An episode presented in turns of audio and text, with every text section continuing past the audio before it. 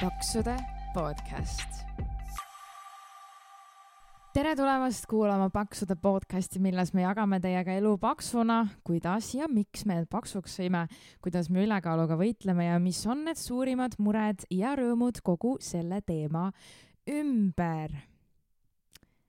Happy birthday to Paksude podcast, happy birthday to Paksude podcast. Happy birthday, happy birthday. Amalia, no liitu minuga viimaseks Happy lauseks. Happy birthday to Paksude podcast. hip-hip hurraa, hip-hip hurraa. me saime ühe üheaastaseks ja selle puhul on ka mõnevõrra erilisem episood meil täna, sest et meiega on liitunud imeline Nele, welcome back. Hello! Hello. hello, hello. no nii, Nele, sinuga on siis äh, viimasest korrast, kui me sinuga vestlesime, mõningad äh, muutused toimunud, et kui sa niimoodi kiirelt kokku võtad, enne kui me laskume pikemasse vestlusesse, siis äh, mis toimus, mis toimub? Mis toimub või?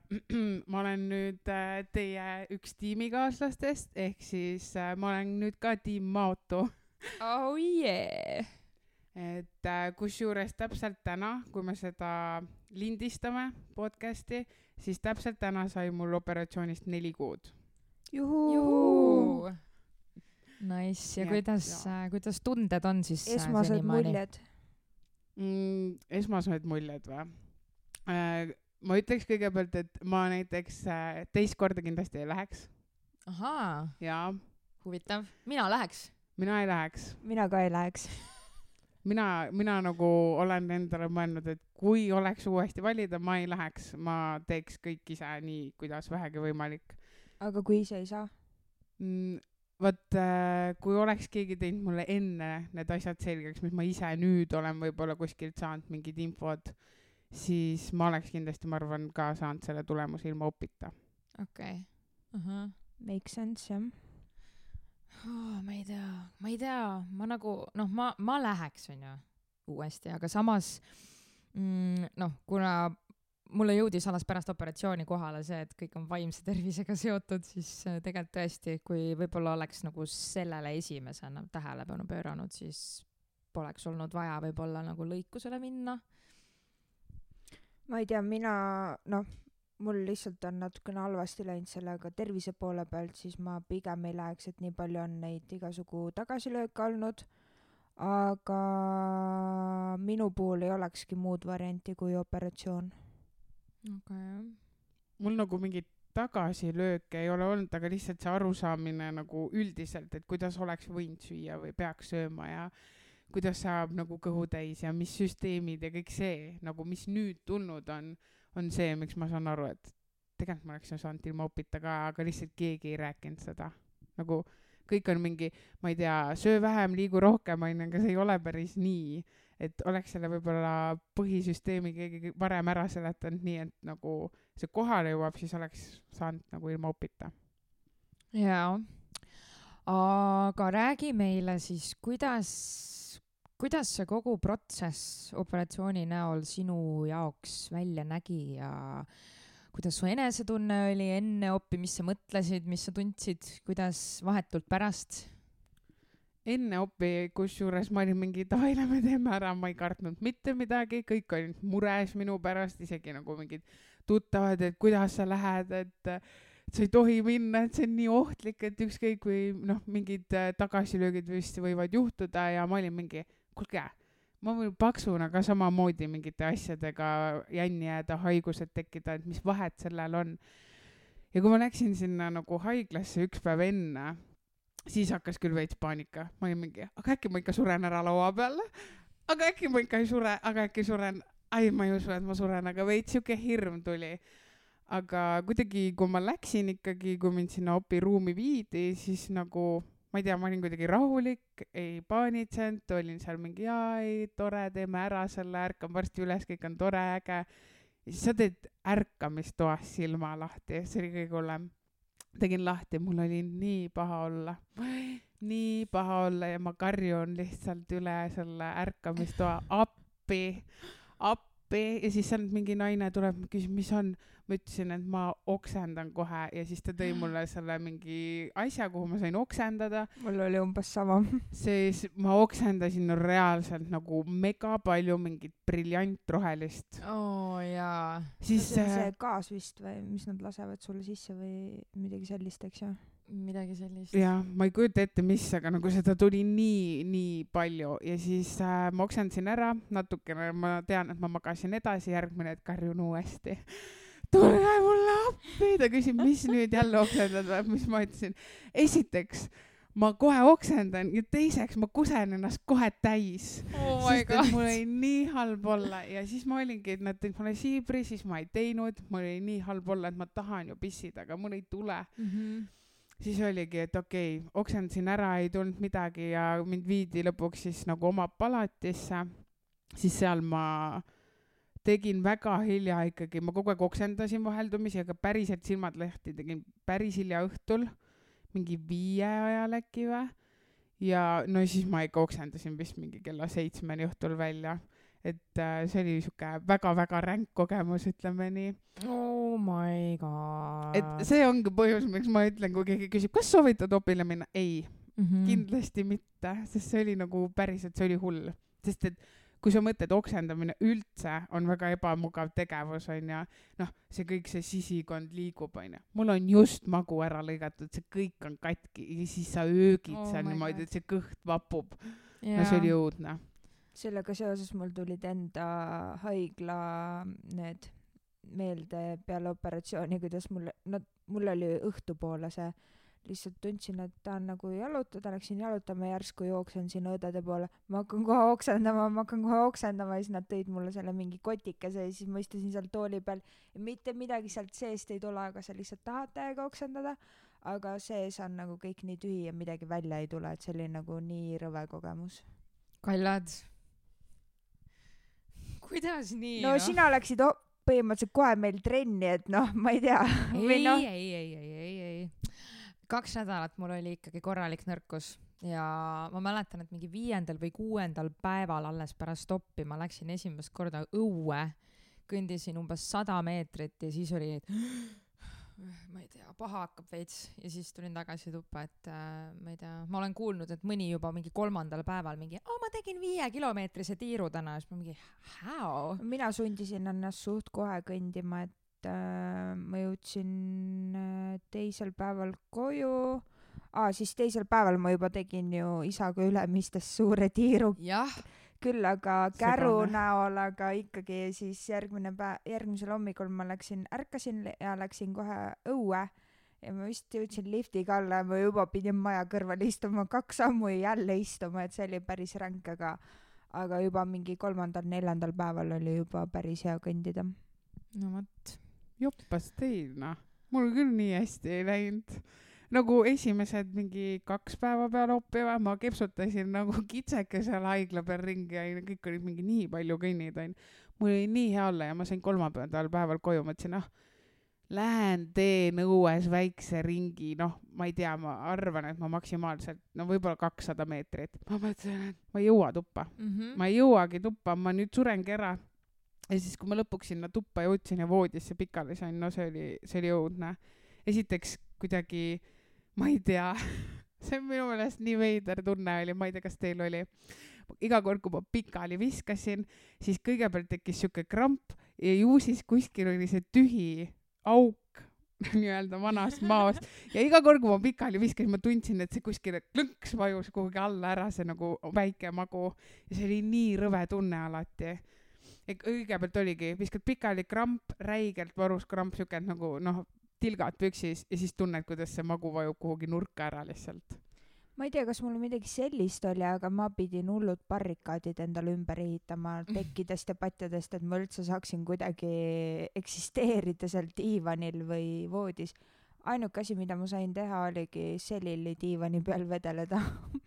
aga ma ei, ma ei mäleta küll, et mul oleks midagi nii hull, mul oli lihtsalt nagu kõhulihase valu või selline tavaline valu.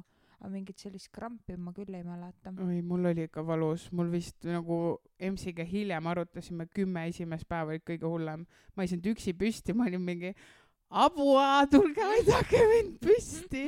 ja kui ma käisin ka ringi, siis ma ei saanud nii, et ma lihtsalt kõnnin, vaid äh, ma saingi mingi natukene maad siis paar sammu teha ja ma pidin kogu aeg kõhtu hoidma. sest nii kui Mhm. ma selle kõhu lahti lasin, siis see oli nagu sihuke valu, et ma olin mingi aidake mind diivanile.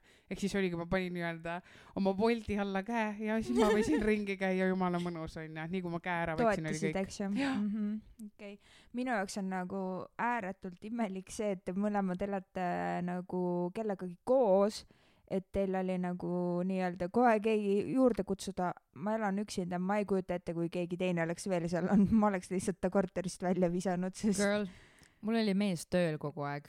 Ma ei tea fact- üksinda oli nagu ikka palju minu ja minu jaoks poole lihtsam kui see, et keegi on veel mu kõrval, et et umbes, et kas sul, kuidas sa ennast tunned ja kas sa vajad midagi või toome sulle midagi või ma oleks täiega ketasse läinud.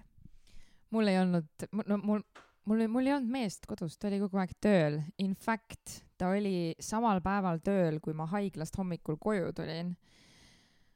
Oh my god, ja mul jäi äh, äh, kiip jäi koju, millega ma saan trepikoja uksest sisse, saate aru vä? tuleb see jutt meelde küll, kuidas sa igale poole helistasid.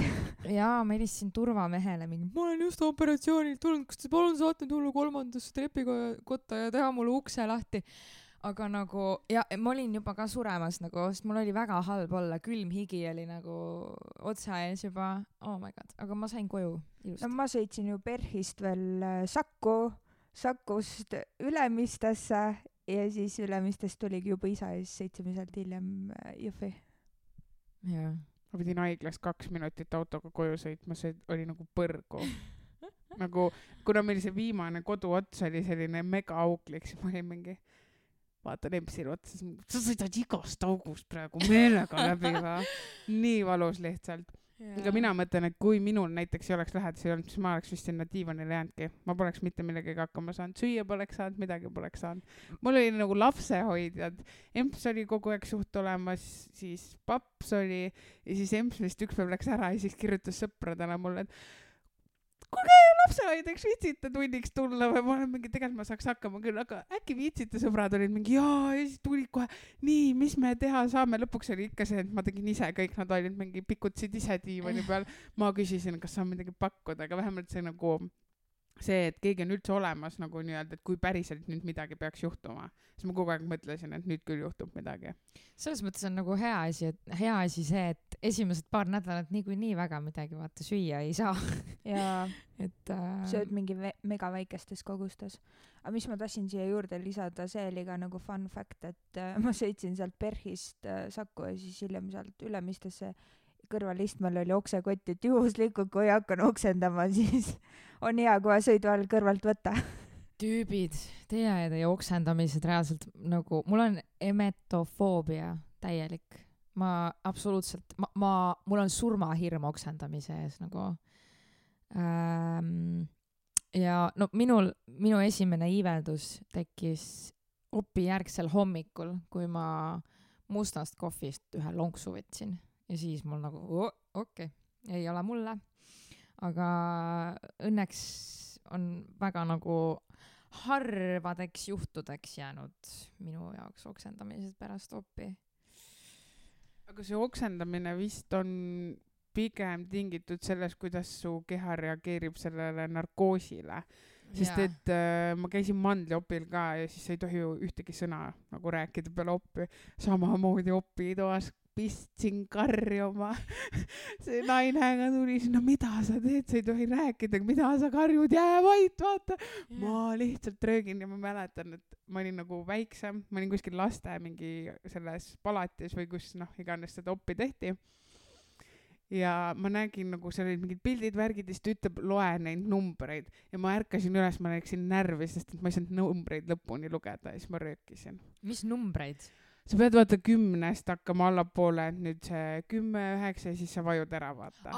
ja ma vajusin ära ja ma olin närvis, et ma ei jõudnud üheni, siis ma hakkasin röökima noh. täiesti haige aju ju ja ma lihtsalt karjusin. Oi jumal, okei okay.. aga kuidas muidu läinud on, kuid-, mis sa sööd tänasel päeval, palju sa trenni teed, ma ei tea, mingid nal-, meganaljakad kogemused, mingid, ma ei tea, mis iganes sul meelde tuleb praegu. mis kõige üllatavam on olnud või? üllatavam või? alati, kui keegi küsib, et noh, nagu praegusel juhul, et nelikümmend kilo on alla läinud, noh, on nüüd kergem ka või? ma pean siinjuures ära mainima, et Nele nä- näeb mega fabulous välja nagu päriselt Jaa. ka, see on lihtsalt uskumatu. et nagu jah, sekundeerin.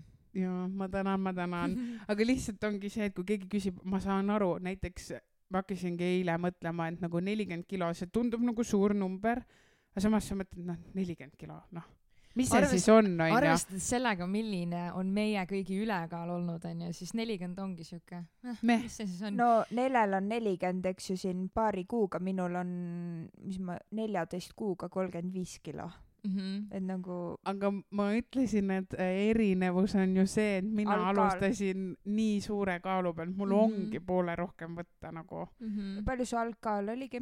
äh,. algkaal oli sada viiskümmend viis koma kaks ja täna on siis äh, sada viisteist. Mhm. issand, kui äge. täiega. Aga nagu- täiega äge. iga päev, kui sa nii-öelda nagu teed neid asju, sööd, käid trennis, sa ei mõtle selle peale, kui nagu ma ei tea, nelikümmend kilo, aga siis ma hakkasingi mõtlema, et nelikümmend kilo, see tähendaks seda, et äh, suhkrupakk on ju kilo. Mhm. lao need nelikümmend suhkrukotti nüüd endale sinna kuskile kõrvale. ja pane selga või mis iganes. jah, aga see on nagu, aga samas ongi, et ma kõnnin iga päev ringi, toimetan, ma ei tunne, et mul oleks nüüd midagi lihtsam teha. et- Mhm. ma ei tea, ma sain enne kingapaelusid ka siduda ja ma sain nagu enne trepist üles, et samamoodi kõik on nagu sama, et ma arvan, et see on lihtsalt minu jaoks praegu väike, liiga väike kaal alles. ja kusjuures äh, ma mäletan, et enne kui mina läksin operatsioonile, siis ma lugesin Mari-Melli blogi, kuna Mari-Mell on ju ka maavahendusoperatsiooni omal ajal Jaa. läbinud ja ja, ja see, ta, ma ei mäleta enam, kuna ma lugesin nii ammu eh,, ma ei mäleta, mis tema ülekaal oli, aga ta nagu väga konkreetselt tõi välja, et noh, et mis elus on, kui ma ei saa nagu saapapaelu kinni ja kui ma väsin ülikiirelt ära ja nii edasi ja nii edasi ja ei saa hommikul voodist välja ilma, et mingeid, mingeid äginaid onju ei kaasneks äh, voodist välja ronimisega ja siis ma mõtlesin, et issand, kui veider, et, et kui nagu erinev ja individuaalne see ikkagi on, sest et samamoodi mina ka saja kolmekümne kilo juures tegelikult ma sain oma saapapaelad ise kinni ja noh, okei okay,, mingi kakssada meetrit ikka kõndisin ära, enne kui nagu hingeldama hakkasin või sain ikka mingi mitu tundi jalul oldud, enne kui jalad päriselt nagu valutama hakkasid, et et see on jah, väga nagu erinev teema ikka kõigil noh. ja see ongi, sest minul palju oli sada kakskümmend ja ma vihtusin trenni teha, ma tegin ju kõike selles suhtes mm. nagu et ei olnud küll midagi sellist, et midagi oleks jäänud tegemata, ainuke asi, mis oli võib-olla, et ei saanud poest osta neid riideid, mis meeldisid või nagu silma jäid. riided, see on see on vist ainuke asi, aga ülejäänud kõik oli täiesti tavaline nagu praegugi. Ma veel ei saa kaasa rääkida, riiete osas jah? ei. okei. see on nagu, mõtled, et oh, nelikümmend kilo, vaatad peeglisse ka, näed, et okei okay,, siit on läinud, siit on läinud ja siis sa lähed poodi Mhm. ja siis sa mõtled, et no siin ei ole ikka mitte midagi läinud, sest ükski asi ikka ei lähe selga nagu mm. -hmm. et isegi nagu kõik küsivad, no nüüd on kindlasti kõik riided suureks jäänud, ei ole. ma käin ikka samade riietega, võib-olla okei okay,, ta ei ole nii noh, ümber onju jaa, Mhm. aga ta ikkagi ei ole ka mingi siuke, et no ma ei tea nüüd, ma ei tea, keegi või mahuks veel sinna sisse, et ei ole seda vahet nagu. suun, suun, Nele. varsti, Mm. varsti on see aeg, kui sa saad. suveks äkki? jah, no parem põhimõtteliselt oleks. pool aastat aega veel ma. arvan küll, et Ja suvel on sul juba selline, et sa jalutad kuhugi riidepoodi sisse ja siis vaatad, et aa, see meeldib ja siis lähed proovima ja siis vaatad, aa, okei okay,, tegelikult see on isegi natukene võib-olla juba nii, noh, et ei ole selline tight, vaid on natukene juba nagu loose. Ja siis sa hakkad valima, siis hakkab see kõige raskem periood, kus sa oled jumala pikim, sest sulle juba hakkavad riided selga minema ja siis sa ei võta igat asja, mis sulle enam selga läheb, vaid sa võtad selle järgi, mis sulle võib-olla meeldib ja mis on parem. Jah, võib küll nii olla. aga Nele, kuidas sul, kuidas on sinu kogemused näiteks body dysmorphiaga, et, et kui sa nagu, ma ei tea, kui sa nagu lähed riietepoodi praegu näiteks onju, siis noh, sa ütlesid, et ikkagi riided ei lähe selga onju. aga kas sul on olnud kogemusi, et sul oleks mingisugune nagu vale arusaam enda suurusest, kui sa mingeid riideid riietuskabiini võtad kaasa proovimiseks? Mm, no enne oli kindlasti see, et alati mõtlesid ennast poole väiksemaks, kuule nii Sama. Suur ma ka ei ole no,, kuule lõpeta ära nalja teed või? ja siis järgmine hetk vaatad mingit nagu, okei okay,, pilti isegi ei anna nii palju, vaatad mingit videot, mõtled oh,, nojah, okei okay,, tegelikult võib-olla olen päris suur onju, aga ikka. vaatasid mingeid riideid, küll see läheb, võib-olla tegelikult on üldse XS, aga see tundub nii suur, see läheb raudselt selga. Aga nüüd on võib-olla pigem see vastupidine efekt, et nagu ma ikka võtan sellesama numbri ja ma isegi ei hakka nagu proovima väiksemat, sest et nagu ma ei näe seda vahet. et nagu, kui ma vaatan ka neid mingeid pilte, siis äh, ei ole minu jaoks nii suurt erinevust, et nagu emaga vaatame ka. üks päev mind siis mõlemad nagu matsutame seal ja mõtleme, et no kust see nelikümmend kilo läinud on, et see on ju väga suur summa või noh, number. kuskohast, siis ma olin mingi, ma ei tea, mul oli vist kolmkümmend viis kilo kuklapekki kuskil ja see kolmkümmend viis on sealt läinud ja viis ülejäänud keha pealt, et nagu see lihtsalt nagu järelikult on igalt poolt keha pealt nii palju läinud, nii ühtlaselt, et ma lihtsalt ei näe seda nagu nii hullult. kas sa ümbermõõte ka jälgid? Äh, ma tegin selles mõttes rumalasti, et ma ei mõõtnud enne jah, et äh, ma ei tea seda ümbermõõtude vahet, aga noh, kindlasti on, ma seda ma näen, et mul on kõht ära kadunud ja, ja siis keegi ütles mulle, no tissi ka ei ole ju, ma olin mingi, nojah, kuidas veel viisakamalt öelda, et sa oled pesulaud lihtsalt It noh, do be like that pärast suurt kaalulangust. et ma teadsin seda like aga lihtsalt ma ei eeldanud, et kui sa oled nelikümmend kilo võtnud ja keegi on mingi, aga kus tissid on? ja, ja. mul oli mingi periood äh, jube keeruline sellega, et ma ei teadnud, mis number ma olen nagu riiete suhtes, siis ma tellisin H&M-ist niimoodi, ma tellisin XL-i, L-i ja M-i igaks juhuks nagu kõik numbrid, sest ma ei teadnud, mis suurus ma olen.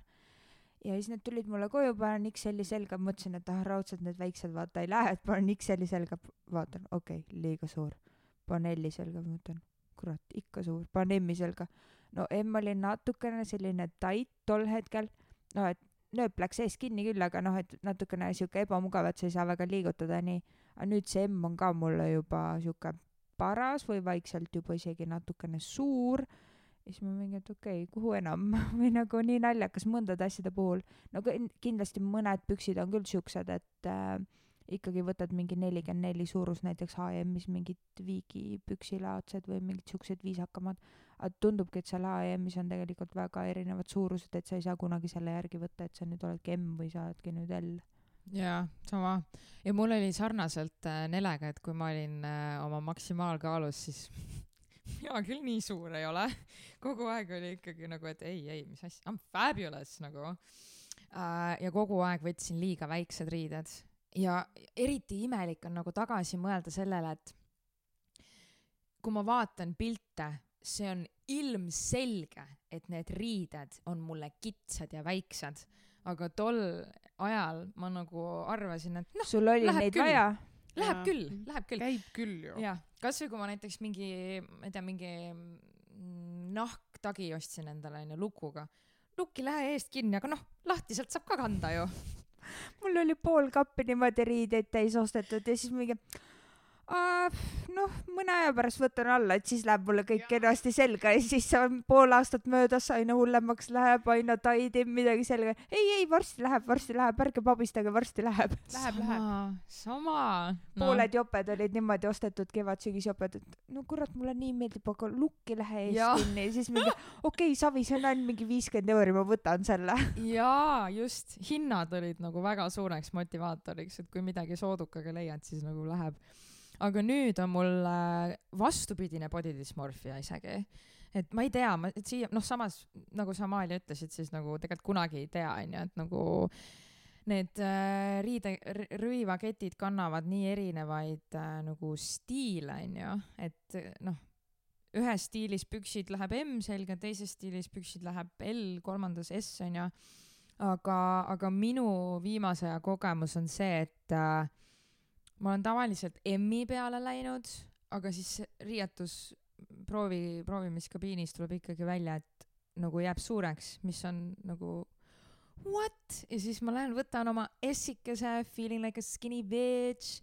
Ja siis hiljem nagu, kui ma näiteks, kui ma pükstel vaatan seda värvli osa, siis ma olen nagu, mida hekki, nii väike, kuidas nagu, how? mul oli ka just üks päev, võtsin mingid püksid kapist välja ja siis vaatan, kurat, need on nii väikesed, kuidas need mulle jalga mahuvad. jaa ja siis panen jalga, siis mõtlen, veel on nagu siuke, et noh, et ei ole mitte nii täit, aga noh, käsi mahub siia värvli vahele, siis mõtlen, kurat, kas ma tõesti olen nii peen või, et igapäevaselt tundub küll, et ma olen mingi megalt juurde võtnud ja mitte midagi ei toimu, et kõik see opi mõju on kadunud ja rohu mõju on tagasi tulnud ja hakkab jälle see otsast peale, et kaalu hakkab juurde tulema. Ja siis jälle mõtled, kurat, ikka nii väiksed püksid, kuidas need ikka jalga lähevad? see on vist igavene hirm nagu. Nele, kuidas sul on nüüd post-up, kas sa kardad ülekaalu? ikka kardad või nagu, kui sa sööd ka, siis äh, mingi aeg ma nagu ei mõõtnud, ei kaalunud, nüüd ma olin mingi, issand, aga raudselt, ma olen raudselt juba maa välja venitanud no,, sada protsenti, jood ka vett juba niimoodi, et oot-oot-oot-oot, kuidas ei oota, ma joon liiga palju vett, oot-oot, teeme suure pausi, et nagu ma juba, juba mul on alles neli kuud möödas, ma olen juba mingi, see magu on välja venitsenud samasugune nagu enne. Mul on täpselt sama mure ja ma kardan seda kaalu ja ma kardan seda paksust ja seda rasva nagu tuld, lihtsalt ma, ma ütlen ausalt, et ma ei ole kaks nädalat kaalul käinud, sest ma kardan neid kaalunumbreid nagu lihtsalt ma tõesti kardan neid.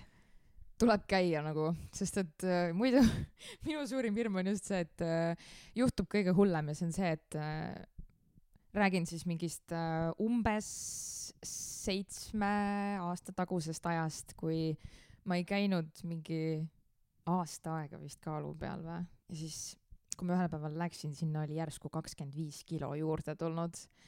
Ja ma mõtlen, et kurat, peab ikka regulaarselt käima, lihtsalt, et nagu seda ära hoida, vaata, sest et kui sa juba näed, et nagu tõuseb, siis on aeg nagu, ma ei tea, natuke kriitilisema pilguga üle vaadata liikumisharjumused, toitumisharjumused onju, et mine ikka kaalu peale. nüüd ma seda rohkem tahan sinna minna, kui sul kakskümmend viis kilo juurde tuli, eks ju. aitäh, aitäh, aitäh.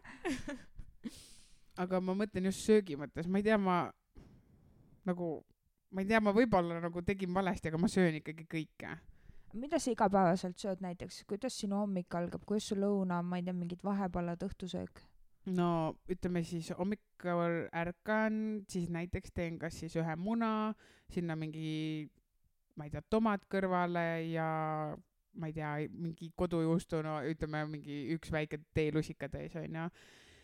ja siis on nagu paus, siis ma söön lõunal, ma ei, ma ei teagi, no ütleme näiteks kala ja ka samamoodi kodujuustu. Võib-olla teinekord sinna mingi näkileiva võtan, mingid, mingid variandid on, neid. Ma ka söön, et nagu ma saan aru, et natuke süsivesikut ikkagi peab olema.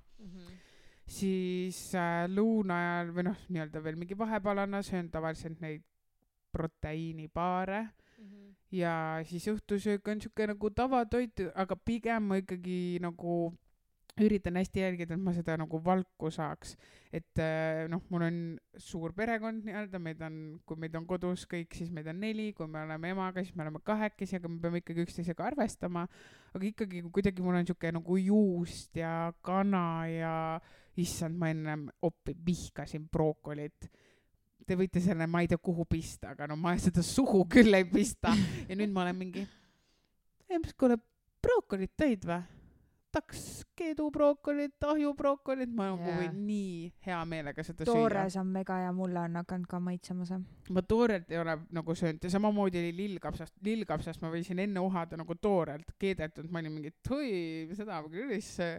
nüüd ma olen mingi, tahaks ikka brookolit ja kana ja siukseid asju, aga nagu ma ikkagi pigem söön kõike, ehk siis ka näiteks kui on laua peal näiteks praegusel juhul krõps, ma ikkagi võtan sealt võib-olla ühe, aga ma tean, et ma ei võta sealt nagu tervet seda oma toiduportsjonit mm. -hmm. aga ma pigem ikkagi nagu, ma olen kõike proovinud, sest et mu esialgne hirm oli see, kui kõik rääkisid oh,, magusa peale paned pildikotti ja ma ei tea, oksendanud, ma nii? nagu Nii? nii kartsin siis ma võtsin selle kommi, ma olin mingi, no mul oli tegelikult alles, ma arvan, mingi kaks kuud möödas, ma olin mingi, ma tahan teada, kas ma nüüd suren ära või ma ei sure. võtsin selle mingi kasekese kommi, lutsutasin seda niimoodi.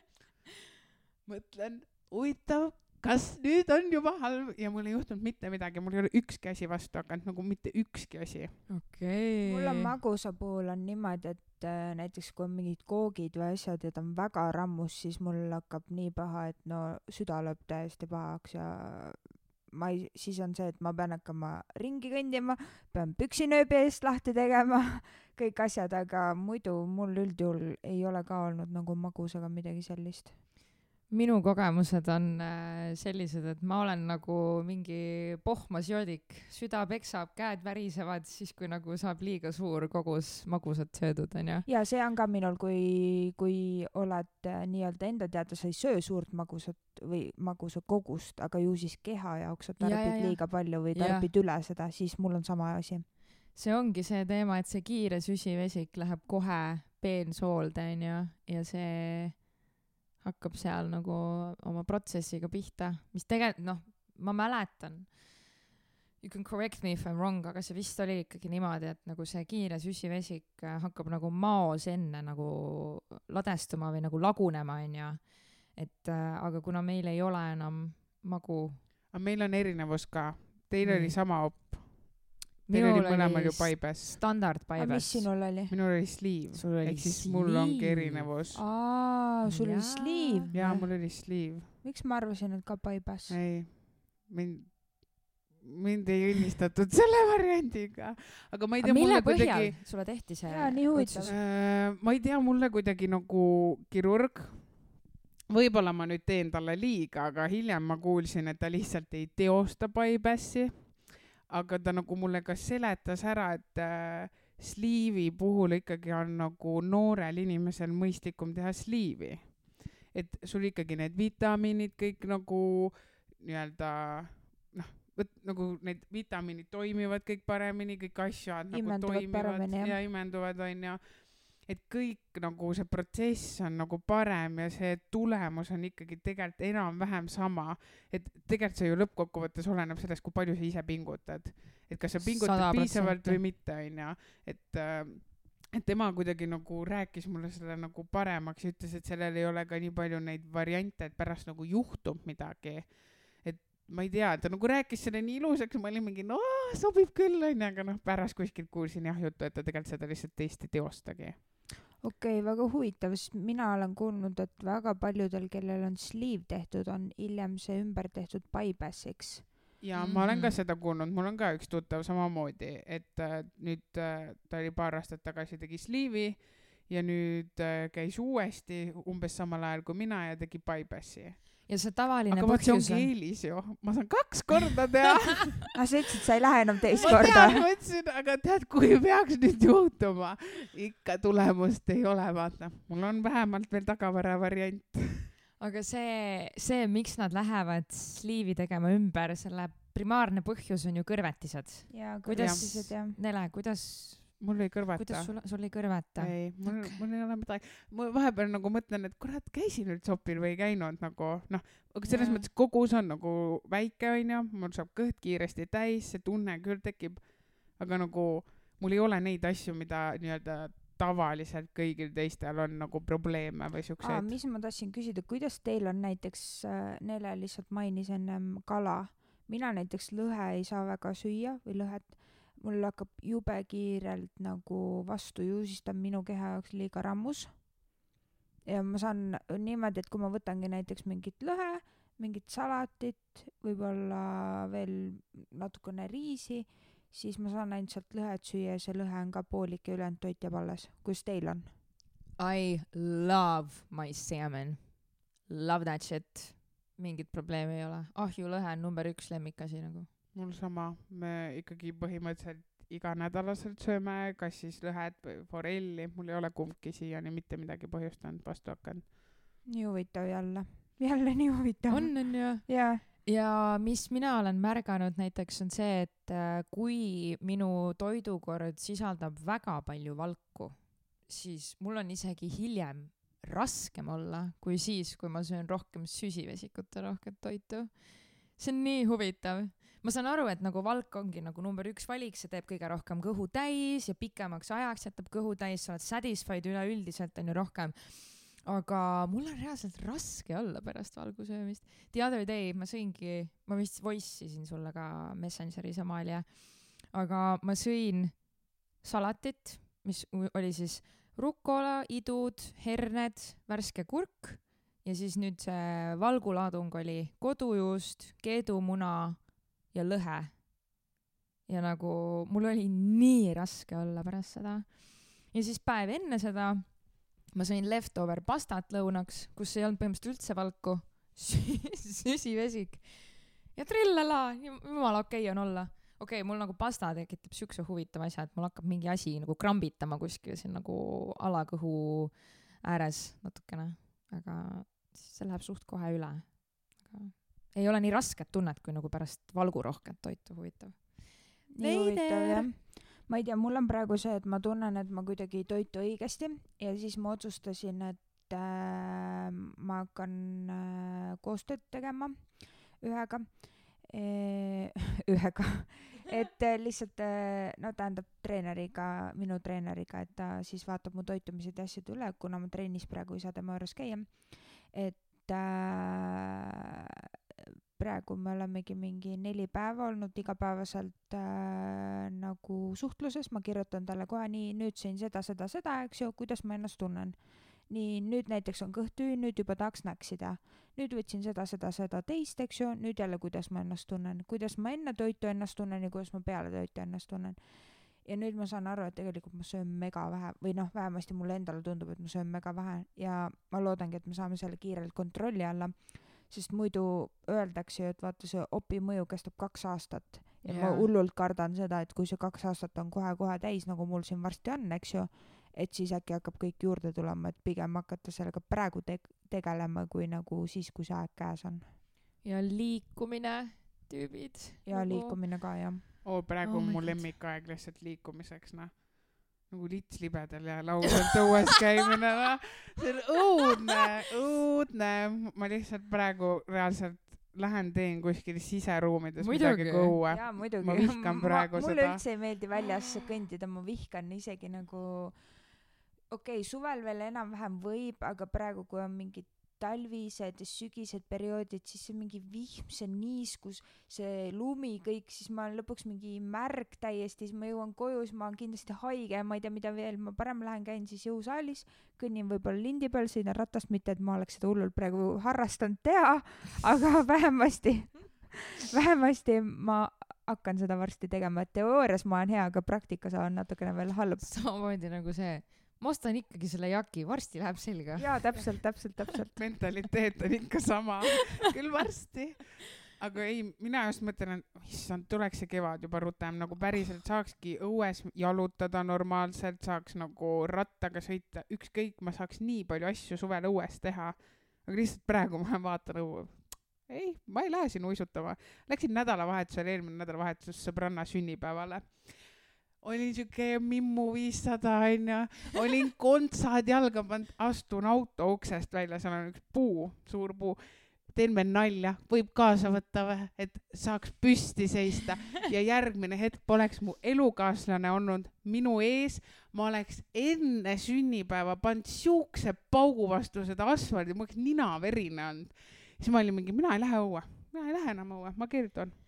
ei no täitsa Õudne. Heidet koos nagu ongi vaja olla vahetevahel Mimmu viissada, sest et äh, ma käisin ju siin üks nädalavahetus Pärnus oma sünnipäeva tähistamas. see oli eelmine nädalavahetus. no ega kuulajad ei tea, mis see oli ammu, see oli nii ammu, et ma ei mäleta, üks nädalavahetus oli. üks nädalavahetus oli ja muidugi Mimmu viissada, ostsin isegi uued saapad selleks puhuks ja muidugi talla, saapatallal ju ei ole nagu mitte midagi, et saaks nagu püsti seista sellisel jäisel ajal. Ja restoran, kuhu me siis mehega sööma läksime, oli kaheksasada meetrit hotellist. Ja siis me olime õues ja mõtlesime, et tel-, mina mõtlesin, tellime takso, obviously, sest mul on saapad, ma ei saa nendega käia ja siis äh, mees ütles, et come on, et see on kaheksasada meetrit, et nagu jalutame rahulikult. oligi, ma jõudsin mingi neli sammu astuda, kui lihtsalt käiski mingi mingi väike kraksatus ja ma olin peaaegu pikali ja siis mees ütles, okei okay,, tellime takso. ja siis muidugi on vaja veel mingit attitude'i ka näidata nagu. No aga minusugused peavadki taksoga sõitma, come on, ma panin saapad jalga ja ma olen ilusti riides ja no minusugused ei käi jala ju ei käigi tegelikult. ei käigi, see on normaalne. sa oled üles löödud, sa lähedki taksoga või sa helistad kelle, kellegile, kellelegi, kes sind ära viib. Täpselt oh jaa, aga ma läksin sünnipäeval autoga, ma ei kutsu endale enam taksot, et äkki saaks kuidagi maja ette see Aa, paarsada jaa. meetrit vaata, sest et nagu maja ette täiesti ei olnud võimalik parkida ja natuke Mhm. eemale ja mõtlesin, see oli elu suurim viga. aga järgmine kord, kui sa mehega koos lase, lähed, tähendab, siis äh, lase ennast maja, maha panna, issand, ma ei oska täna rääkida, lase ennast maha panna ukse ees ja las mees ise pargib auto ära. jaa. Siin on lihtsalt see väike aga, et autojuht olen mina, mehel ei ole lube, nii et sõidan mina ikkagi no siis on jah nii et halb võin diil siin. autoga maja ette sõita, aga mina ei tea, mis see auto edasi teeb. oota, mida see kolmas Eesti ütleb, et ega load ei sõida, inimene sõidab. ja, ja, ja, ja täpselt. peaga sõidan palju kiiremini. jaa, aga Nele, mis siis nagu, mis, mis su tulevikuplaanid on nüüd siis pärast operatsiooni, ma saan aru, et nagu mingeid suuremaid tagasilööke või mingeid õppetunde otseselt nagu olnud ei ole, peale selle, et enam ei läheks. enam ei läheks. aga tal on varuvariant. kokku vaata, mul on varuvariant, aga ma enam ei läheks. aga ma ei tea, mis ma siin õppinud olen äh,. äkki see, et mulle ilgelt meeldib tegelikult käia jõusaalis.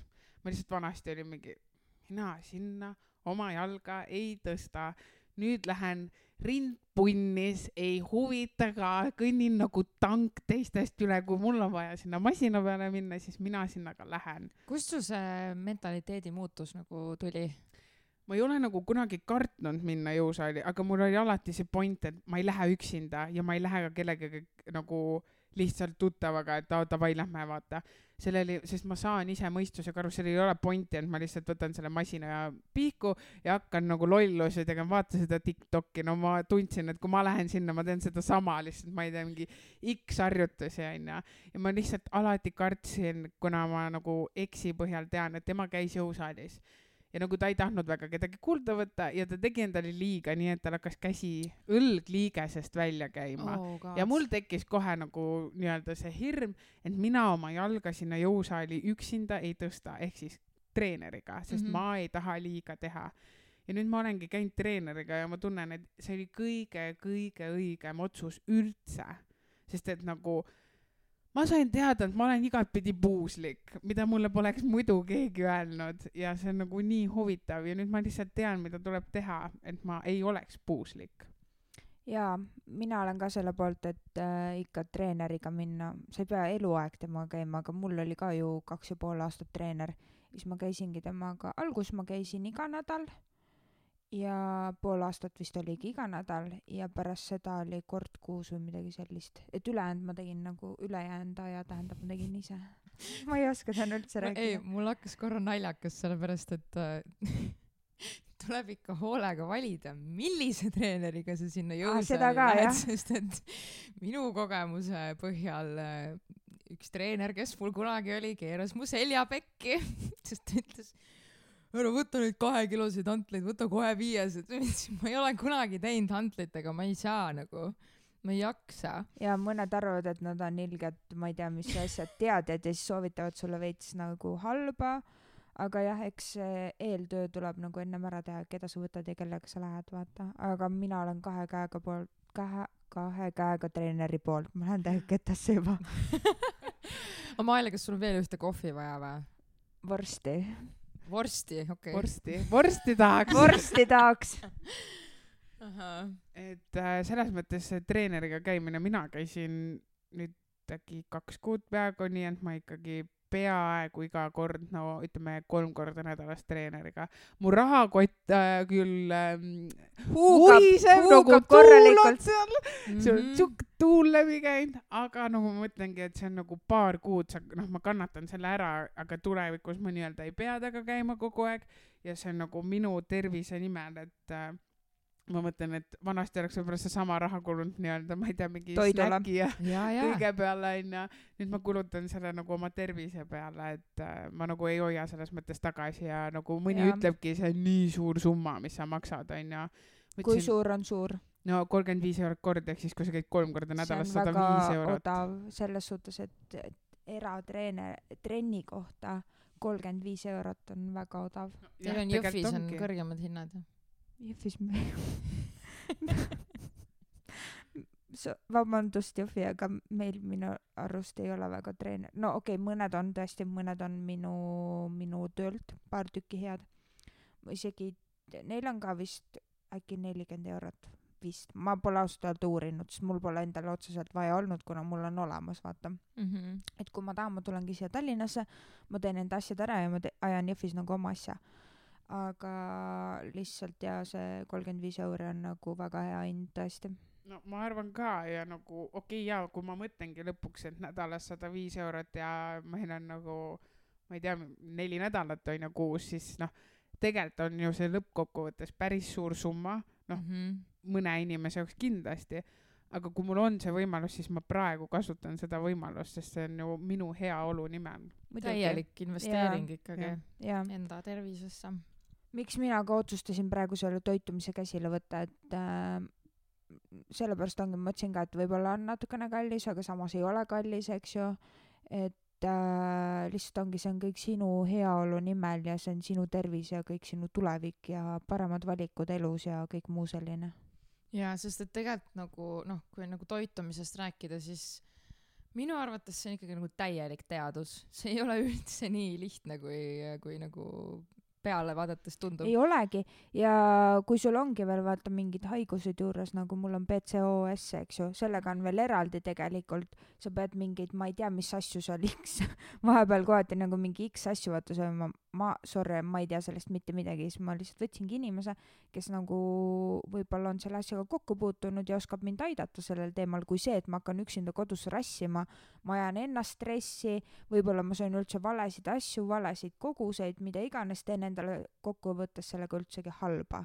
jaa, aga samas ma nagu siinkohal ütleks kõigile, kes äh, tunnevad, näiteks ongi opi läbinud ja et toitumine ei ole või nad ei tea, siis kindlasti uurida, sest mina jäin ka väga hätta, et minule ei andnud keegi juhendeid, kuidas süüa, mida süüa, nagu ma olingi lihtsalt sihuke, et kas ma nüüd päriselt sööngi edasi elu lõpuni neid valgupudinguid, sest ma ei tea, kuidas, mida süüa. ja siis ma hakkasin küsima teist häält, uurima ise ja siis ma nagu, nagu sain aru, aga tegelikult nii-öelda kui sa käid nagu ikkagi haigekassa kulul operatsioonil, neil on savi, mis sust edasi saab, ta teeb sul selle opi ära, tema on töö tehtud, tal ei ole vahet, kuidas sa enam tegelikult toitud.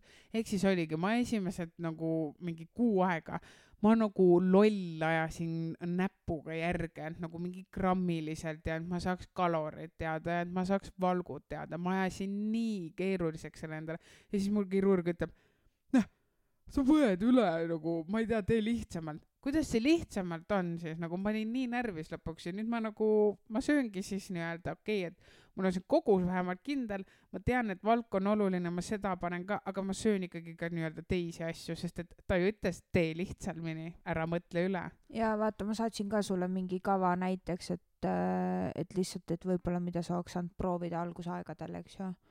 aga ma mõtlengi praegu seda, et kuidas sa siis teadsid nagu, mida täpsemalt hakata lõpuks sööma, et nagu sa küsisidki teiste käest. teiste käest, siis ma uurisin nii palju kui vähegi võimalik oli, TikTok, meie vana aja, sest et Eestis ongi ju keegi väga ei jaga sul seda infot, et aa, mida ma söön või, või mis te võiksite süüa ja siis ma olingi nii hädas, ma hakkasin TikTok'e vaatama, et nagu välismaal kõik panevad, aa täna söön seda. lõpuks ma lihtsalt nagu plahvatasin, et nagu ah, miks see toitumine peab nii raske olema, aga ma tegin endale vähemalt siis selle selgeks, mis on nagu, mille sees seda on. Ehk siis ongi nagu, ma ei tea, kana on alati kõige olulisem ja juust ja siis ma võib-olla natuke jälgin, et ma ei tea, kui palju seal mingis asjas valku on ja võib-olla, et seda suhkurt nii palju ei oleks, aga ma lihtsalt ise näiteks tean, et ma praegu söön küll. Äh,, ma ei saa kindlasti ükski päev oma valgukogust täis, ma ei saa ükski päev oma kaloreid täis, et ma tegelikult nagu üritan küll süüa nii, et nagu saaks, aga ma tean, see lihtsalt ei tule, sest see kogus on nii väike. et ma mõtlengi, kas teie algusaegadel panite üldse kuskile kirja, palju mida sõite ja arvutasite või? mina ei pannud.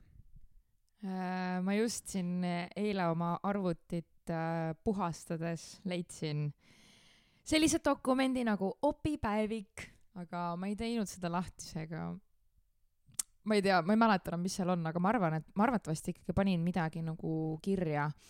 aga ma niimoodi, ma ei tea, ükshaaval ei kaalunud küll ühtegi toiduainet näiteks, mis mul taldriku peale läksid ja suhteliselt ühekülgne oli mul see toitumine küll, et näit-, noh, kui ma nagu värskelt äh, opilt äh, tulnud perioodist räägin, siis nagu tomatimahl oli üks imelik asi, mida ma ei olnud enne mitte iialgi crave inud varem või üldse nagu armastanud juua.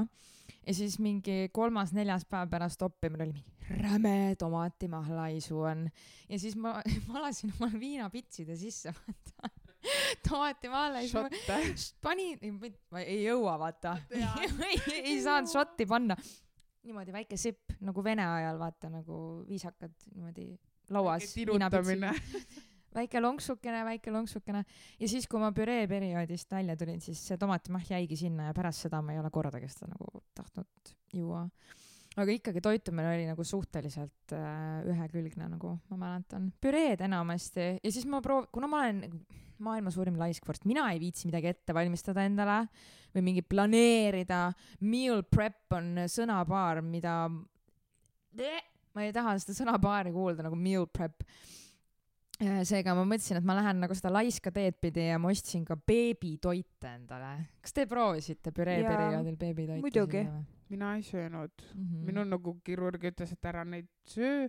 võib-olla ainuke, mis ma vist proovisin, oli mingi aa, ploomipüree mm, -hmm. sest et noh, vaja vetsu minna, tead, pole pikemat aega käinud, siis keegi ütles, see tõmbab kohe kõik luugid lahti. no mm. mina lutsutan ja lutsutan seda, no mitte midagi, noh mm, -hmm. ei toimi, aga see oli ainuke, mis ma niimoodi proovisin mm. -hmm. et rohkem ma ei söönud, ma tegin mul, kõik ise. mulle anti isegi haiglast beebipüree kaasa, mis oli nagu Päriselt, tuubis ja siuke mingi banaani, maasika, beebi. no püree. millest me räägime, sa oled ju see, kes käis oma raha eest, et me siin haigekassa raha eest vaata vallavaesed käime riigi raha eest vallavaene ju jättis oma pulmapeo ära sellepärast, nii et noh valikud, valikud elus ei, tegelikult mina ju alguses detsemb-, ei, jaanuaris, jaanuarist äh, võtsin, op oli novembris, jaanuarist võtsin jälle mingi, lasin treeneril teha toitumise täpselt minul endale. ja siis ma küll nagu selle järgi toitusin ja veits kaalusin ja möllasin, aga siis kuidagi jäi mul see soikuse asi ja siis ma hakkasin lihtsalt selle järgi tegema, mis ta oli mulle nagu sinna teinud ja umbes silma järgi panin mingeid asju. aga niimoodi nüüd hullult ma kaalunud ka ei ole. mul on täpselt, täpselt see kaks äärmust, üks on see äärmus, et no nii, ma olen perfektsionist, ma võtan, kaalun, mõõdan nagu no ma ei tea, enne keemialabor, enne kui sööma saad hakata, teisel kõigil juba ammu söödud, sest et nagu me peame nagunii aeglaselt sööma ka, aga minul selle keemialabori protsessiga läheb juba nii palju aega, et teised on nagu mingi noh, ei hakka ka siis sööma ja, ja tisu, kuna me lõpetasime aga siis on see teine hetk, kui mulle öeldi, et nagu sa mingi mõtled üle, siis ma olin mingi, ma olin käega, siis ma olin küll siuke, et nagu viitsige enam panen selle ühe või kaks lusikatäit, ise vaatan, palju sisse mahub, onju. ma arvangi, et väga palju tuleb kuulata oma keha, et su keha annab sulle väga kiirelt äh, teada, mis talle meeldib ja mis mitte, mis sobib ja mis ei sobi. tahtsin täpselt sama just öelda, et ma ise ka nagu, ma kuulan väga palju oma keha ja ja üleüldse nagu jälgin enesetunnet, et kui mul ikkagi, kui mul on kasvõi nagu vaimselt sihuke nagu lössu-lössu olla ja füüsiliselt ka ma tunnen, et nagu ah oh,, tahaks täna terve päeva nagu lihtsalt voodis lösutada, onju, et no ju siis ei ole ikkagi väga nagu energia poolest rikkalikku toitu ka söönud, onju, et, et võib-olla on natukene nagu ühekülgseks jäänud. But then again äh,, meil on talv ja nagu ma olen täielik hooajalise depressiooni inimene, nii et ma, ma oleks nii või naa voodis terve päeva, iga päev, kui ma saaksin. et jah, võib nagu kahe otsaga asi olla. no sama nagu mul eile treener ütles, et võta siis või noh, okei okay,, jaa, treener ütles, et võta siis õhtuks nagu veel äh, seda putru tee endale, eks ju. siis äh, aeg jõudis kätte, ma ütlesin talle, tead, mul ei mahu, ma ei võta putru, et ma võtan lihtsalt nagu ühe banaani ja mulle sellest piisab. Siis ta ütles, et jaa, et okei okay,, väga hea, et anna, noh, et suhtleme ikka omavahel, siis ta saabki paremini teada, kuidas mulle kava ja kõiki asju nagu koostada ja teha ja olla. ja see, et nagu noh, kui sa oled kavas onju, siis noh, eeldatavasti on äh, kõik nagu toit, toitained nagu bilansis või nagu tasakaalus onju. kuidas teil mingisuguste craving utega on, kas teil on craving uid või? oo jaa siin vahepeal oli, algus oli mul see, oota, millega see algas mul? ma tahtsin mi-, ma enam ei mäleta, mingi, mingi periood oli mul hullult tahtsin kogu aeg mingit krõpsu või siukseid nagu neid krõmpsuvaid asju. krõmpsuvaid asju süüa kogu Jaa. aeg ja siis ma sõin mingi periood neid, siis mingi periood oli mul siuke, kus ma tahtsin ainult riisi süüa, siis, siis oli mingi kolm, üldiselt mul on mingi kokku viis perioodi olnud, ma enam neid ülejäänusid väga hästi ei mäleta, aga ja põhimõtteliselt mingid asjad olid kogu aeg, mis ma tahtsin. ma tean, mul oli püree sel ajal küll siuke, millal süüa saab, ma tahan midagi, mis krõmpsuks hamba all, ma olin isegi, et see ei peaks nagu krõps olema, noh, mitte nagu tavaline kartulikrõps, aga nagu mis iganes ragiseks mu hamba all, ma tahan oma hambaid kasutada. oi, ma mäletan väga hästi seda tunnet. igemed olid hellad lausa nagu, et tahaks lihtsalt tahaks nagu närida lihtsalt, seda liigutust teha onju. aga ei, mul, mul on vist see brookol, täiesti haige onju. brookol brokol. ja ei, mul ei ole selliseid asju, et mul nüüd mingi asja järgi isutaks, et ma ei tea, tahaks mingit, ma ei tea, mingit magusat või tahaks mingit soolast, mis ei ole hea, et äh, mina hästi näiteks praegu ikkagi väga-väga jälgin, mida ma söön, sest et äh, ma teen lihtsalt nii palju trenni, et kui ma ei jälgi seda, mida ma söön, teen trenni, ei maga piisavalt, siis ma tean, et ma olen järgmine hetk haige. Siis ma olen närvis, et ma olen haige, siis läheb jälle teistmoodi kõik lappama. et äh, ma hästi-hästi-hästi jõhkralt jälgin, et ma ikkagi sööks enam-vähem koguseid, ma saaks oma valgud kätte, sest et noh, muidu ma lihtsalt teen endale seda liiga, et ma nagu ei söö piisavalt, lähen teen trenni, siis ma tegelikult kaotan nii meeletult palju kaloreid, et ma päeva jooksul ei söögi lõpuks nii palju, kui ma kaotan mm, -hmm. ehk Mhm. siis äh, noh, ma igastahes üritan väga-väga nagu olla nii-öelda oma silmaga seal jälgida kõike, et ikka oleks nokk piisavalt. kinni, saba lahti, saba kinni, nokk lahti. põhimõtteliselt küll, et jah. Äh, minu viimatine craving oli ananass, täiesti lambist lihtsalt. ja laisk inimene, nagu ma olen, onju, ma pigem nagu maksan mugavuse eest, siis kaubamaja toidumaailmas on ilusti karbi sisse juba valmis tükeldatud värske ananass ja siis ma ikka nagu kolm päeva järjest iga päev ostsin omale selle, no mingi sada, mingi sada nelikümmend, sada viiskümmend grammi on nagu ühes karbis onju. siis mingi kahe, noh jaotasin nagu kaheks korraks ja oh, sain selle mingi, mingi laksu kätte, mis mul nagu oli vaja saada, aga mine sa tea, vaata see võib mingite nagu vitamiinidega ka olla väga nagu lähedalt seotud, eriti kui nii kummalist asja nagu ananass. aa, Okei. mis, mis vitamiine teie üldse võtate? mm,. vitamiinid või? no mina tean, et ma kindlasti võtan vähem ilmselt kui teie, sest ma nagu olen aru saanud, et Bypassi puhul ikkagi peab võtma rohkem vitamiine kui Sleeve'i puhul. mis tahan kindlasti ära mainida, on väga huvitav. ilmselgelt, kui sa lähed opile, enne seda teed vereproovi ja peale oppi siin ju käid mingi aja tagant tegemas neid ja kaks kuud või, või kolm kuud nüüd peale oppi ma käisin vereproovi tegemas ja mul äh, siis see kirurgi õde vaatab neid ja ütleb, et oi, aga teil on rauanäitaja palju parem kui enne oppi. ja ma olin mingi väga šokeeritud, sest ma tean, et väga paljud ju pärast oppi on väga nagu hädas sellega, et rauanäitaja on nii-nii madal. siis ma olin mingi, oo, väga hästi, et mul on nagu kõik verenäitajad kõik korras, ehk siis mina võtan mm, hommikuti, mõtlengi, ma võtan seda Livol multi, ongi multivitamiin, mul seda soovitas siis kirurg äh, võtta peale operatsiooni, siis ma võtan kuukümmet, see on ka siis igast äh, nahale, liigestele, juustele, kõigele hea, siis ma võtan mingisugust juuksevitamiini ja siis õhtul enne magamaminekut võtan selle teise Livol multivitamiini ja probiootikumi.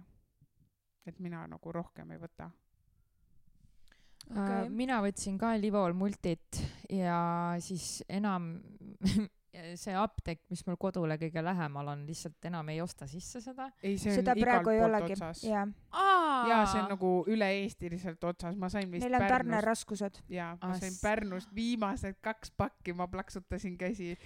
Kus siis. sa Nele sina ju võtad naiste omi eks ju aga naiste sina. Elina võtad Family't või naiste naiste omasid naiste, siis neid enam ei olnud Äh, seal naiste apteegis. omaga ongi see meil Jõhvi Selveris oli mega palju mingi kakskümmend kolmkümmend pakki ma mingi ohoh ohoh. Ja vaatasin kuupäeva ja see oligi jaanuari lõpu kuupäevaga. Aga mulle juba aasta lõpust äh, tuttav apteeker ütles et äh, neil on tarneraskused et seal on kuupäevad äh, ei ole nagu noh. Nii lühikese Jaa. Kuupäevad okei nagu. okay,, no vot, sain ka targemaks nüüd. ja siis ma sõin neid Family omasid, Livol multi omasid ja no neid ka enam ei ole. meestel Ei, on ainult, aga testosterooni ma ei Family't taha. äh, Family't äh, Jõhvis on et ma võin sulle posti panna. oi kui tore. ma võin tegelikult siin, ma võin Tallinnaga läbi käia vaja, aga isegi praegu. netis ei ole ma olen kõik netipoed läbi vaadanud ja, ja sellega on jah raskusi. aga praegu ma hakkasin mingeid uh, Well Womani omasid võtma.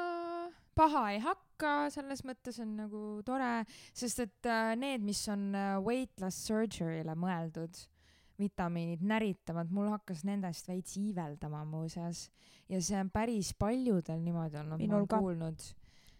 mina No neid nii. ei proovinud, mina läksin kohe Livol multi peale. no sa pole paipässikas ka need on paipassikatele ei, aga neid on sliivikatele ka eraldi ja, Neid on erinevaid Aa, okei. ja, aga ma samamoodi võtan neid Livol multi iga hommik.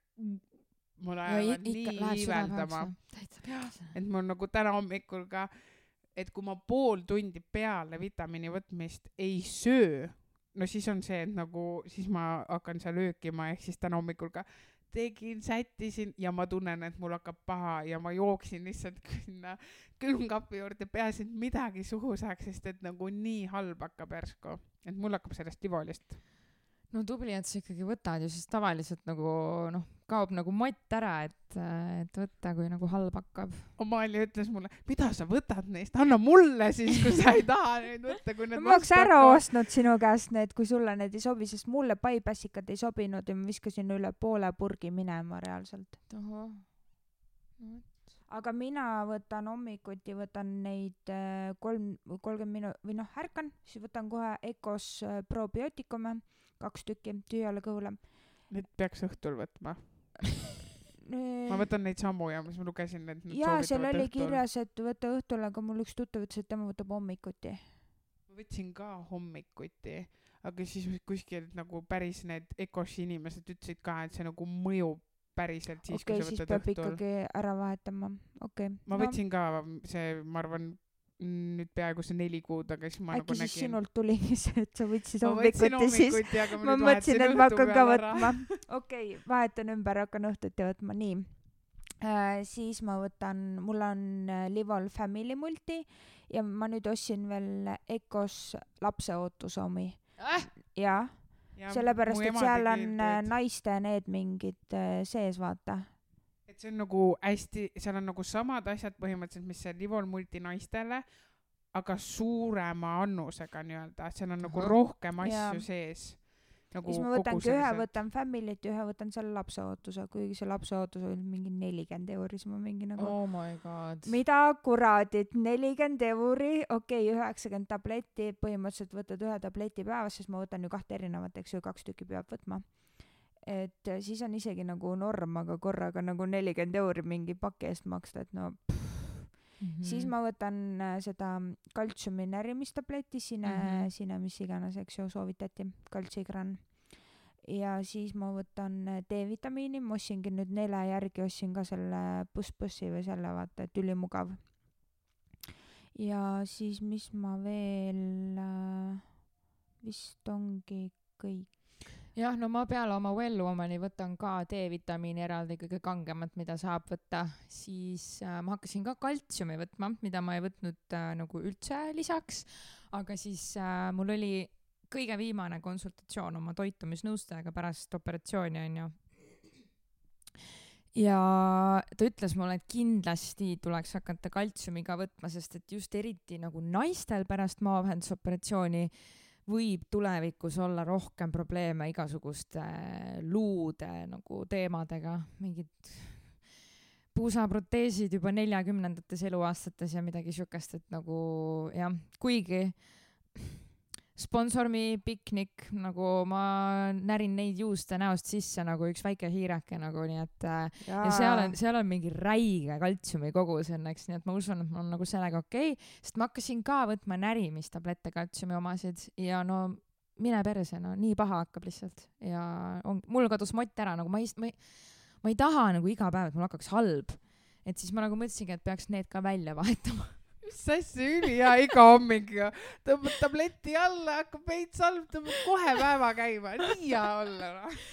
no thank you. ei, mina ka ei kannata, kui see tivolituur hakkab pihta, siis on terve päev on rikutud. mm.. aga see, no ma ei tea, mul ei ole nagu nii, nii halb, noh, see ongi iiveldab, aga samas, kui ma söön, siis hakkab kohe nagu okei okay. mm. -hmm. nii et sellepärast ma kannatangi ära. ei, pigem mitte. teate küll, vanad eestlased, kannatab see, ära. kaua elab. noh. aga ma mõtlen, et nagu vitamiine ma rohkem ei võta, aga ma võtan nagu seda kollageeni ka veel lisaks, et see on samamoodi liigesed ja kõik, et jaa. peaks ka mingit kollageeni või midagi hakkama võtma.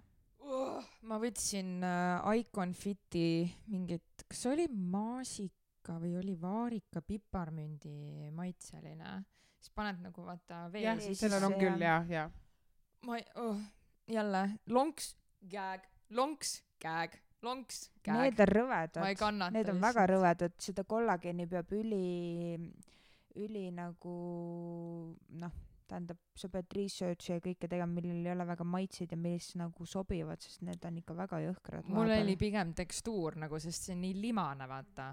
kollageen okei, kas selle, te võtate mingi tabletina või midagi või? ei, minul on kapslina. minu koostööpartneri käes siis Estfitist ostan, neil on ka samamoodi pulber ja sa selle nagu segad veega ära. jah, aga see on nagu siuke, ta on ka magus, ma ei ütle, et ta nagu ei ole magus, aga samas tal on hea maitse Mhm. ja ta ei ole siuke limane, vaid nagu lihtsalt, ma ei tea, nagu noh, ma ei tea, vanasti, vanasti oskaks näite tuua nagu morssi jooks. Mhm. noh, magus morss, aga et ma joon selle ära nii, et ma väga suurt kogust ei tee, sest me ei, ma ei jõua ju juua nii palju vedelikku, kui see nagu ette nähtud, ma teen hästi väikse veega, siis ta on hästi kange, Mhm. aga ma joon nagu seda ja kohvi, seda ja kohvi, nii et äh, ma ei tea, mulle väga maitseb see maitse nii-öelda.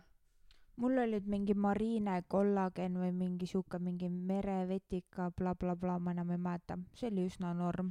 aa, tegelikult kuulge, siis on küll kollageeniga mul hästi, sest et mu viimase aja lemmiksnäkk on vetikad, neis on ka palju ja, kollageeni. ja, ja, ja, ja. oi, ma jumaldan vetikaid, ma sööks söögi alla, söögi peale neid. nii äh,, Nele, aga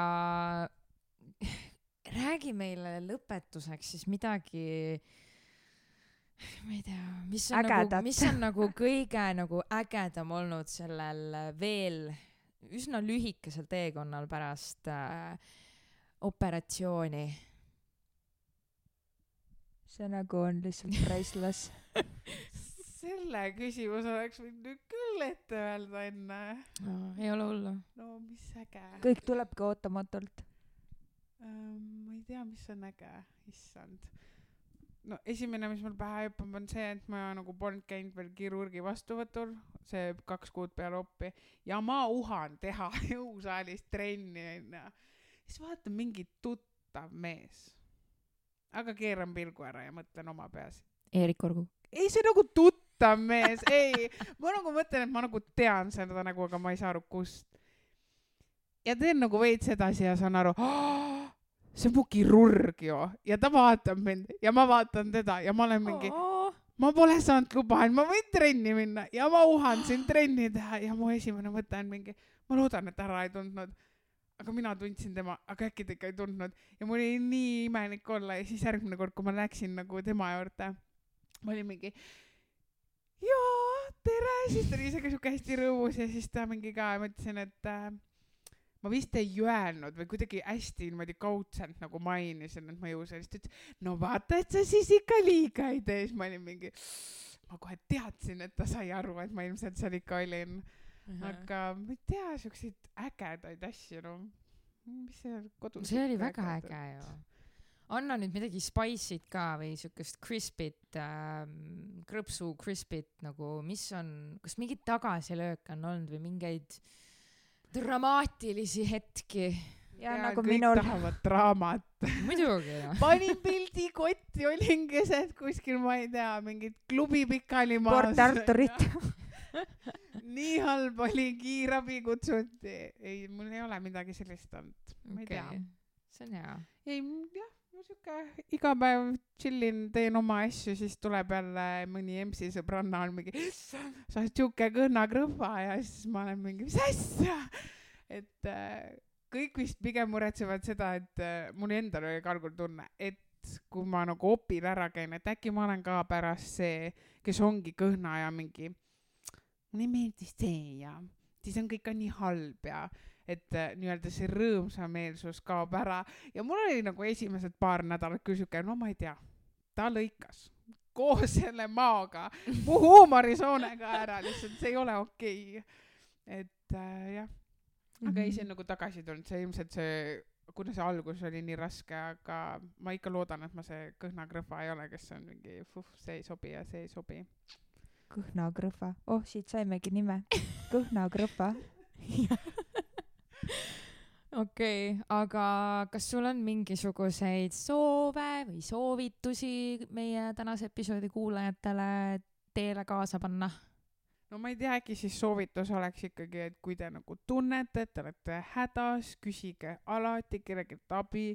ikka on inimesi, kes teile vastavad nagu, et mulle kirjutatakse ka väga palju ja ma nagu reaalselt võtan selle aja ja vastan inimestele, sest et ma tean, kui raske on tegelikult, kui sa nagu jääd hätta.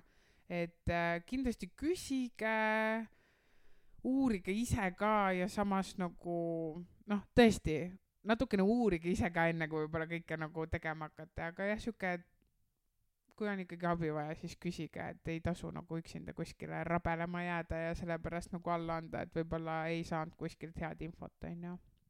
väga õige. Ei maksa häbeneda nagu sellist asja nagu jah, abi täpselt. küsimist. tuleb inimestega suhelda. jah, vot nii. nii on kahjuks või õnneks. Vot nii, aga siis äh, tõmbamegi asjakesed äh, täna siin äh, kokku. meie Ai. läheme trenni. jaa, me lähme trenni. Amalia lubas meie treeneriks täna hakata. oh-oh.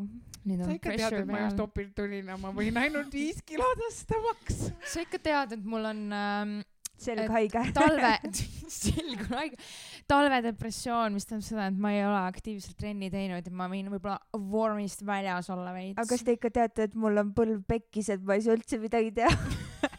oota, mis me läheme santlaagriga trenni või? jaa.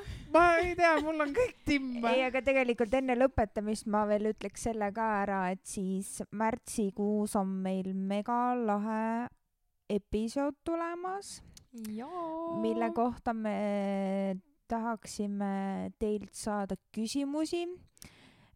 teemana võime öelda, et meile tuleb rääkima oma ala legend, spetsialist. Väikesed vihjed on teile juba antud. aga mitte liiga palju, mulle tundub. mitte liiga palju. ütleme nii, et ta tegeleb tööriistadega, milliste tööriistadega? kirurgiliste tööriistadega. okei okay,, nii, nüüd juba läks liialt. et äh, jah, kirurg, kirurgiliste tööriistadega ja ootame siis teiepoolseid küsimusi, mida te sooviksite, et me temalt küsiksime ning stay tuned. Stay tuned. Te kuulasite Paksude podcasti koos imelise Nelega, aitäh tulemast taas kord. kõhnakrõhva. Kõhna Krõhva Nele. mina tänan, alati tulen rõõmuga, juba kui te kirjutate, ma juba tunnen, ma juba olen kohal.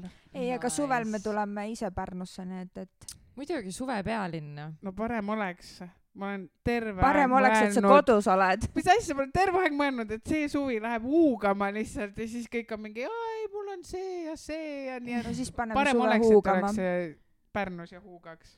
Davai, kokku lepitud.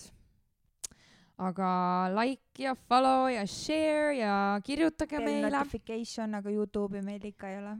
jep, nii et äh, teiega oli Paksude podcast. paksude podcast, Bye bye. bye.